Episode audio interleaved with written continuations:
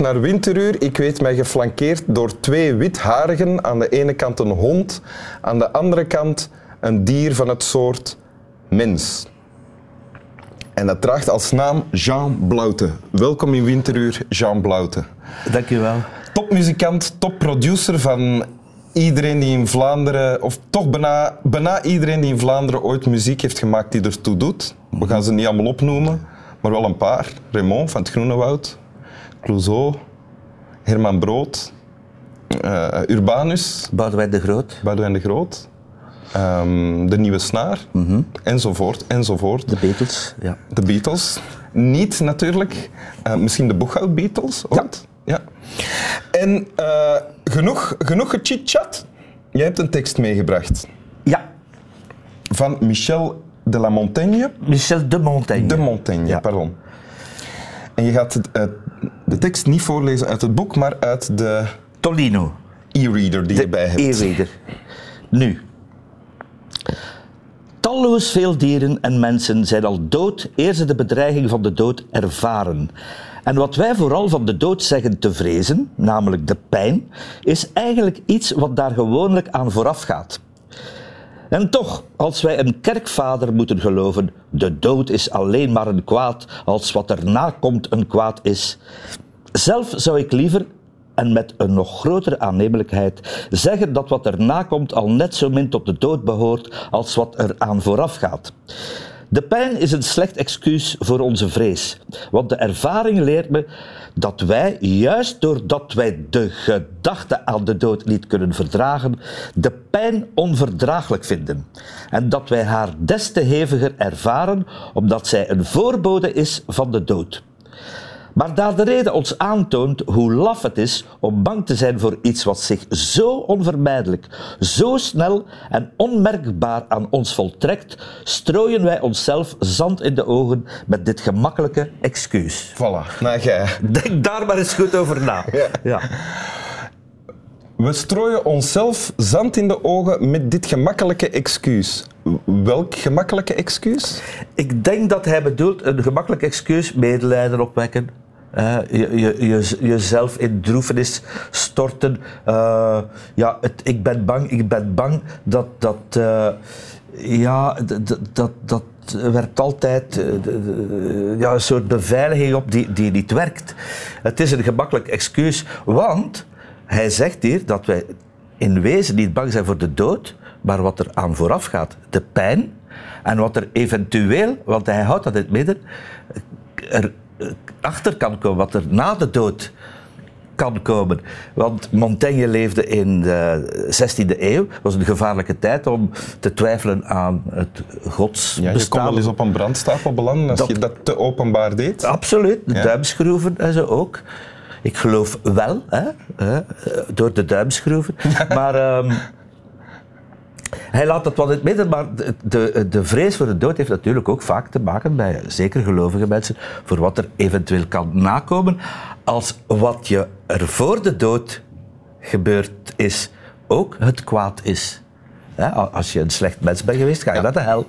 Maar dat, eh, dat want hij, de kerkvader zegt hij, de dood is, eh, citeert hij, die zegt de dood is alleen maar een kwaad als wat erna komt een kwaad is. Ah, ja. dus moet je zien dat je voor de dood goed en braaf en volgens de katholieke leer van die tijd hebt geleefd. Ja. Dat zegt de kerkvader, maar dat trekt hij in twijfel. Hij, hij- zijn ganse leven, allee, zijn, zijn literair leven, wat hij geschreven heeft al als eh, filosoof eigenlijk, ehm, hij heeft zich nooit echt 100% uitgesproken over religie.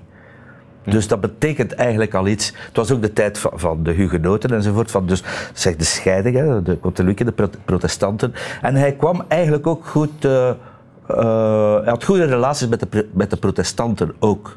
Ah ja. Dus dat eh, vanuit zijn positie, hij is rechter geweest, hij was burgemeester geweest van eh, Bordeaux, diplomaat, over en weer naar Parijs bij de koning. Dus het was eigenlijk eh, de- vrij uniek dat hij. Ongebruikelijk open geest. Hij was eigenlijk. humanist, de tijd van Erasmus. Ja, Ja. een ongebruikelijk open geest. Ja.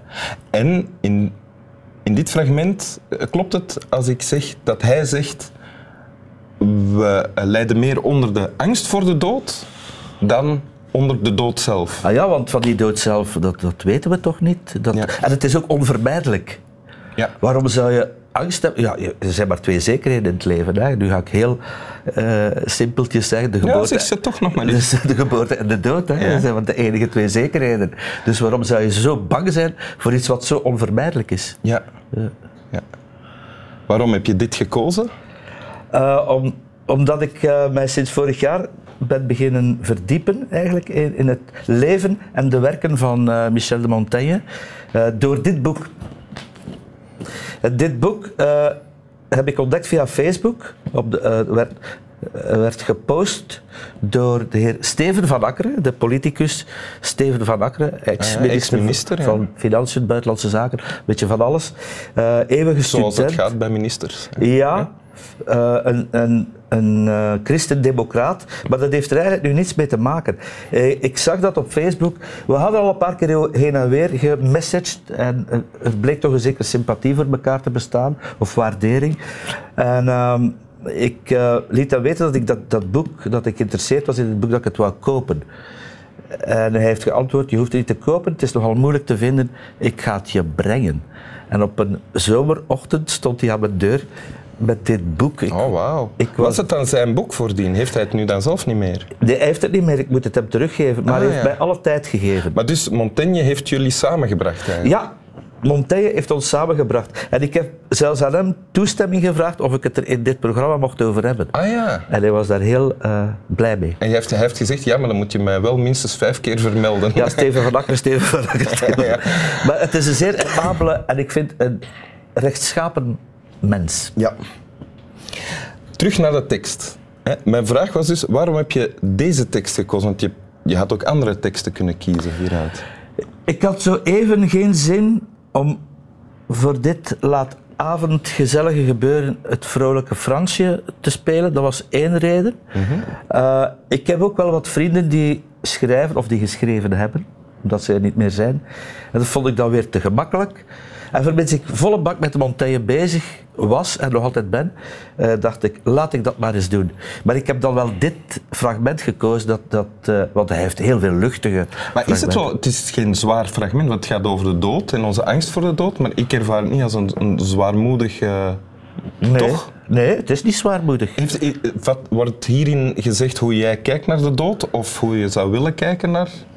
Eh, Het zegt in ieder geval hoe ik meer en meer kijk naar de dood. Maar niet zoals ik er altijd heb naar gekeken. Want ik werd al heel jong, vroeg, geconfronteerd met, met het, ja, mijn grootmoeder die op haar 53ste eh, overleed. Ik was toen tien en ik werd door haar opgevoed.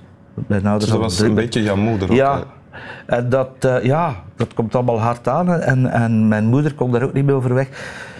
En het is eigenlijk nooit opgehouden. Eh, Want ik, ik heb vrienden van mijn leeftijd, die 65 zijn, die amper nog maar één vriend kwijt zijn en wiens ouders nog leven. Bij mij wordt nooit vriend met mij, want dat is echt niet gezond. Nee, echt niet, Wim. Ehm, dus ik, ik, heb dat iets te veel ervaren, denk ik. Een paar jaar geleden nog met mijn vriend Patrick de Witte. Ik, ik denk daar nog iedere dag aan. Maar ik heb dat toch leren aanvaarden.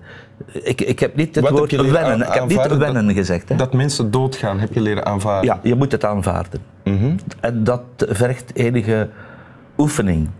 Denkoefening. Het, eh, liefst niet te veel oefenen in de mensen die naast jou eh, uit, eh, ne- neerploffen. Ja? Maar, maar je kan het hier wel oefenen. Je, je kan hier zoveel oefenen. Waarom dat niet? En je bent gedwongen geweest in je leven om dat te oefenen.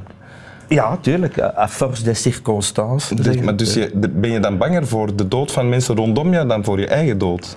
Zeker, zeker. Ja? Ah ja, ja, ja. ja. Verlies, gemis, eh, verdriet. Ja, tuurlijk. Dat is natuurlijk wel het voordeel van ouder worden.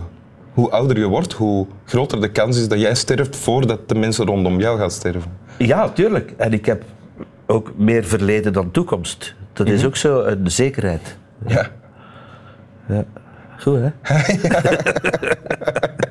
Wil je het nog eens voorlezen? Ja, van, eh, zeker. Weet het nummer? Tolino. Tolino. Ja, het lijkt wel een Italiaanse coureur. Maar, eh, Fabio Tolino. Fabio Tolino. Here we go. Talloos veel dieren en mensen zijn al dood eer ze de bedreiging van de dood ervaren. En wat wij vooral van de dood zeggen te vrezen, namelijk de pijn, is eigenlijk iets wat daar gewoonlijk aan vooraf gaat. En toch, als wij een kerkvader moeten geloven, de dood is alleen maar een kwaad, als wat erna komt een kwaad is, zelf zou ik liever en met een nog grotere aannemelijkheid zeggen dat wat erna komt al net zo min tot de dood behoort als wat eraan vooraf gaat. De pijn is een slecht excuus voor onze vrees, want de ervaring leert me dat wij juist doordat wij de gedachte aan de dood niet kunnen verdragen, de pijn onverdraaglijk vinden en dat wij haar des te heviger ervaren omdat zij een voorbode is van de dood. Maar daar de reden ons aantoont hoe laf het is om bang te zijn voor iets wat zich zo onvermijdelijk, zo snel en onmerkbaar aan ons voltrekt, strooien wij onszelf zand in de ogen met dit gemakkelijke excuus. Dank u. Alsjeblieft. Slap wel. Slap wel. Ik heb het nu gesnapt, denk ik. Of toch voor een. Het is wel iets, hè? Ja, ja. Allee, tuurlijk is het iets. Het gemakkelijke excuus is de angst voor de pijn. Ja? Ja, ja, ja. ja, Ja. Dat had je waarschijnlijk al gezegd. Denk het toch? ik heb het in ieder geval voorgelezen. Ja, wel, het is nu doorgedrongen. Hè. Goed, hè? Je ziet het. Allemaal niet zo simpel, hè? Want, eh,